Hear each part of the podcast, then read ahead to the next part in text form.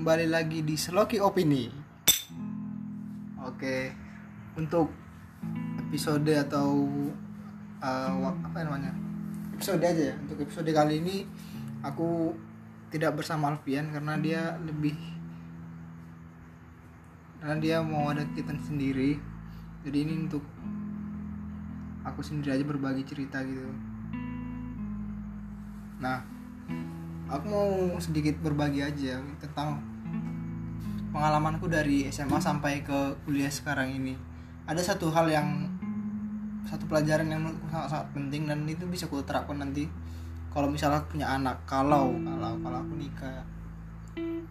Nah itu adalah dulu jadi dulu itu aku SMP-nya di sebuah desa sebuah kampung lah yang di provinsi Riau. Mungkin kalau kalian tahu namanya kecamatannya Tambusai Kabupaten Rokan Hulu nah dulu itu aku SMP itu bukan tipe orang bukan tipe anak yang pulang sekolah itu aktif punya kegiatan di luar atau pramuka atau osis bukan. Nah itu kalau pulang sekolah pulang sampai sampai ke rumah udah di rumah aja tuh sampai malam. Dan jarang gitu punya aktivitas yang kayak aktif gitu atau aku bahkan dulu nggak tertarik sama sekali dengan osis. Nah dan yang di kampung dan yang namanya di kampung itu ya itu banyak kegiatan-kegiatan yang di luar sekolah gitu loh kayak main bola bareng olahraga atau nangkap ikan nguras air nguras nguras sungai gitu, nah aku tuh jarang ikut-ikut kayak gitu soalnya aku lebih nyaman di rumah gitu loh. Soalnya di rumah itu terbo- tergolong lengkap lah. Jadi udah nyaman gitu loh di rumah tontonan juga enak-enak. Jadi aku tuh suka nonton TV gitu. Nah dari pengal dari masa SMP ku yang begitu pas aku SMA aku disuruh dan memang dimasukkan ke salah satu SMA swasta yang cukup elit lah bisa dibilang cukup elit di kota Medan. Nah awalnya aku senang tuh karena aku mikir kan oh bagus nih aku bisa cita-citaku mungkin bisa akan lebih cepat tercapai karena sekolah ini sekolah yang katakanlah sekolah swasta yang elit dan bagus gitu. Nah pas aku masuk itu aku cukup apa ya benar-benar namanya tuh kalau kalian tahu itu kultur shock lah istilahnya gitu. Jadi apa hal-hal yang dulu kulakukan waktu SMP dan apa yang akan kurasakan di SMA itu dan atau yang udah kurasakan di SMA itu benar-benar berbeda jauh gitu loh. Pas di SMP aku cuman sekolah belajar udah belajar belajar biasa pulang tuh ke rumah udah habis itu besoknya sekolah lagi gitu-gitu aja terus. Jadi interaksi itu lebih banyak di rumah gitu loh di sekolah itu jarang banget aku main sama teman-teman nah pas masuk SMA itu kan aku jadinya ngekos. Soalnya rumah keluarga itu cukup jauh lah dari sekolahku. Dan aku juga nggak orang tua aku juga nggak nyaranin kan buat tinggal di rumah keluarga. Akhirnya aku kos tuh di depan sekolah pas. Nah pas nah pas ngekos itu aku bingung gitu loh kok dunia kayak gini ya? Nah kadang tuh aku awal-awal aku masih ngekos itu ya aku sampai sering banget nangis nangis gitu sedih. Nggak jelas lah intinya. Merasa nggak nyaman gitu kalau kalau bahasanya sekarang insecure lah kayak gitu. Ngeliat teman-temanku. Tapi tetap aja sih aku masih bisa punya teman lah situ. Teman-teman kosan gitu kan. Nah teman-teman kosan gue ini mungkin adaptasinya lebih cepat dari aku gitu loh. Mereka kayak udah oke aku sekarang udah anak kosan aku jauh dari orang tua aku udah bisa mengatur diriku sendiri. Nah tapi itu nggak berlaku sama aku gitu loh. Aku masih dihantui sama kebiasaan-kebiasaanku waktu SMP gitu loh yang pulang sekolah langsung ke, ke rumah ada orang tua di rumah juga bisa ngobrol sama keluarga udah gitu ya udah cukup menurutku dulu pas SMP jadi aku benar-benar berjuang lah. Setahun pertama itu benar-benar susah banget. Sampai-sampai itu kepercayaan diri itu nggak ada gitu loh. Bahkan aku untuk ngobrol sama sama satu kelas aja ya aku berpikir berpikir gitu untuk ngobrol. Aku cuman ngobrol panjang gitu ke beberapa teman doang paling cuma dua tiga orang doang di kelas gitu dulu waktu kelas 1 SMA coba. Sisanya itu aku cuman kayak sekedar eh nama sapa sekedar sapa doang cuman sapa nama nama say hi gitu doang. Adalah sekelas dulu. Dan akhirnya kelas 2 adalah teman aku yang cukup paham lah sama keadaanku kan. Dia kayak ngeliat kayaknya ini masih butuh adaptasi. Jadi dia kayak mulai istilahnya dalam tanda kutip ya, membimbing aku lah secara mental secara psikologi secara psikolog gitu kan. Jadi biar terbiasa gitu. Jadi akhirnya kelas 2 mulai tuh aku aktif. Nah pas kelas 1 itu bahkan aku nggak nggak berani gitu loh nggak pede untuk ikut bergabung dengan tim futsal kelasku sendiri. Padahal aku tahu aku tuh suka futsal dari SMP SMP aku main futsal sih cuman ya jarang. Cuman pas SMA ini asli sama sekali aku nggak berani buat kayak eh aku ikut ya futsal tim kelas kita. Sampai nggak berani coba. Aku cuma nonton tim kelasku main dan padahal aku sendiri ingin ingin main gitu saking nggak pedenya aku dulu waktu kelas 1 gitu. Nah kelas 2 ada temanku sekos. Dia ngelihat itu kan. Dia ngeliat, jadi dia akhirnya mulai ngajak aku lah ke gimana sih cara hidup anak yang di sekolah gitu ya yang tergolong aktif.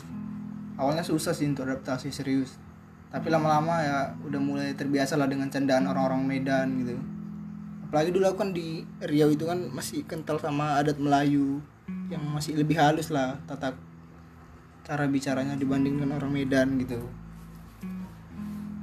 Jadi pelajaran yang aku dapat itu adalah transisinya itu nggak boleh se ekstrim itu gitu loh. Aku belajar itu sih. Jadi nanti misal aku udah punya keluarga atau ponakan tah atau anak sekalipun nanti aku bakalan lihat dulu gimana sih perkembangan mental dia gitu loh. Dia udah siap belum untuk ke jenjang yang lebih tinggi tapi nggak terlalu ibaratnya kayak naik anak tangga gitu loh. Satu satu atau dua sekali dua gitu nggak apa-apa. Jangan langsung lima atau enam gitu. Akhirnya uh, pribadi si anak itu bisa langsung tergoncang terguncang gitu loh. Kayak wih apa ini? Ini kok berbeda kali. Jadi dia nggak tahu harus ngapain gitu loh.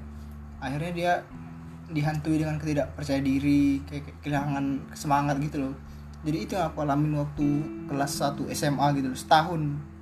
Itu asli aku kayak bener-bener cuman kuliah eh kuliah lagi cuman bener sekolah masuk sekolah pulang ke kos gitu gitu aja terus.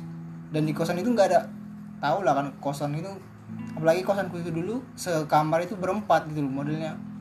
Udah kamarnya nggak terlalu luas berempat lagi. Jadi sistemnya itu tempat tidur itu uh, tingkat dua gitu tapi ada dua jadi empat tempat tidur jadi kehidupan itu terbatas di situ-situ aja nggak berkembang. Padahal dulu di sekolah itu banyak ekskul gitu loh. Ada futsal ada basket ada English club ada science club juga. Ya banyak lah. Cuman gara-gara aku nggak punya apa ya nggak punya pandangan atau nggak punya pedoman gitu loh nggak punya kepercayaan diri juga. Jadi aku kayak menyanyiakan semua itu loh. Pun kelas 2 juga aku cuman nggak ada ikut ekskul juga cuman lebih banyak bergaul ke teman-teman yang katakanlah uh, gaul lah tanda kutip jadi aku udah bisa punya banyak kegiatan gitu nggak hanya di kos doang gitu. juga aku kan udah ikut bimbel juga jadi lebih banyak kegiatan gitu. jadi ya intinya itu uh, jadi intinya itu kalau misal ingin melakukan suatu perubahan atau transisi dalam apa ya ada kebiasaan atau kegiatan dalam hidup ini kalau bisa itu jangan terlalu ekstrim gitu perubahannya karena kemungkinan kita sendiri nggak akan siap dengan hal itu gitu loh. Misal dari kehidupan kampung gitu loh kayak aku ya dari kampung tiba-tiba di kota besar. Medan kan termasuk kota besar kan di Indonesia mungkin ketiga ya terbesar di Indonesia. Nah tuh benar-benar nggak siap apalagi kulturnya itu kan juga ya beda kan. Di Riau kan Melayu di Medan Bata gimana cara mereka bergaul bercanda aku awal-awal kelas 1 itu banyak tersinggung asli kayak pengen marah pengen nangis juga. Kok bercanda mereka gini ya gitu. Banyak kata-kata kasar. Mungkin mereka bercanda cuman bagi itu serius gitu loh.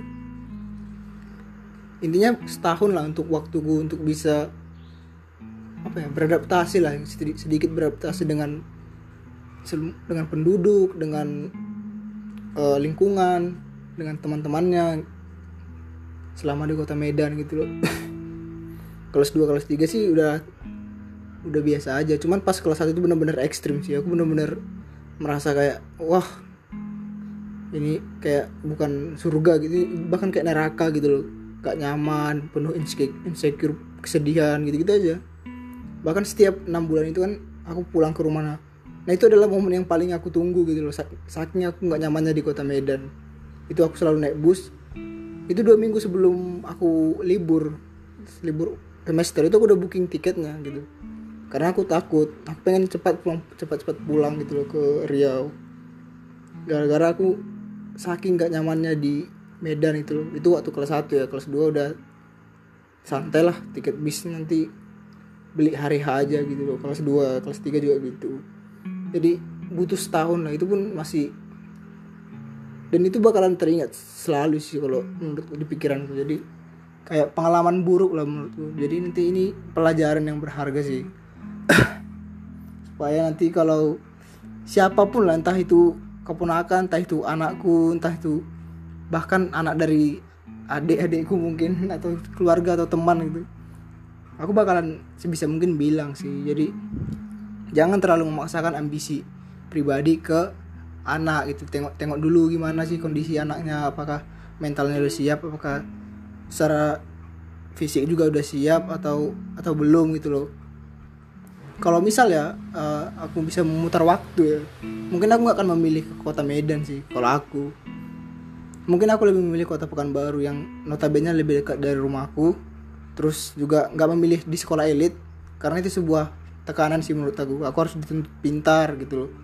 Uang sekolah juga mahal jadi aku harus dituntut untuk cerdas lah untuk pandai membagi waktu. Sementara waktu SMP aku juga nggak dididik begitu gitu loh.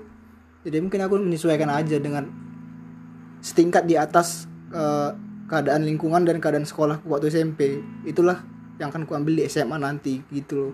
Jadi nggak terlalu ekstrim perubahannya bahkan normal gitu loh.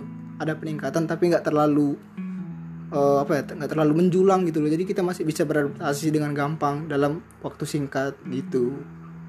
Wes udah cocok jadi motivator gitu jadi itu teman-teman itu pengalaman pahit lah kalau aku bilang tapi berharga gitu. Jadi aku dapat pembelajaran yang penting yang mungkin orang tua aku nggak nggak ngerti itu gitu loh. Kalaupun aku jelasin nanti tentang ini mungkin mereka bilang anak durhaka kamu. Kamu udah di sekolah mal-mal. Masih aja mencari celah untuk menutupi kebodohanmu. Waduh susah kan. Jadi ya udahlah biarlah orang tua yang nilai gitu loh nanti kita perbaiki aja ke generasi berikutnya. Gitu teman-teman. Kasih ya udah dengar. thank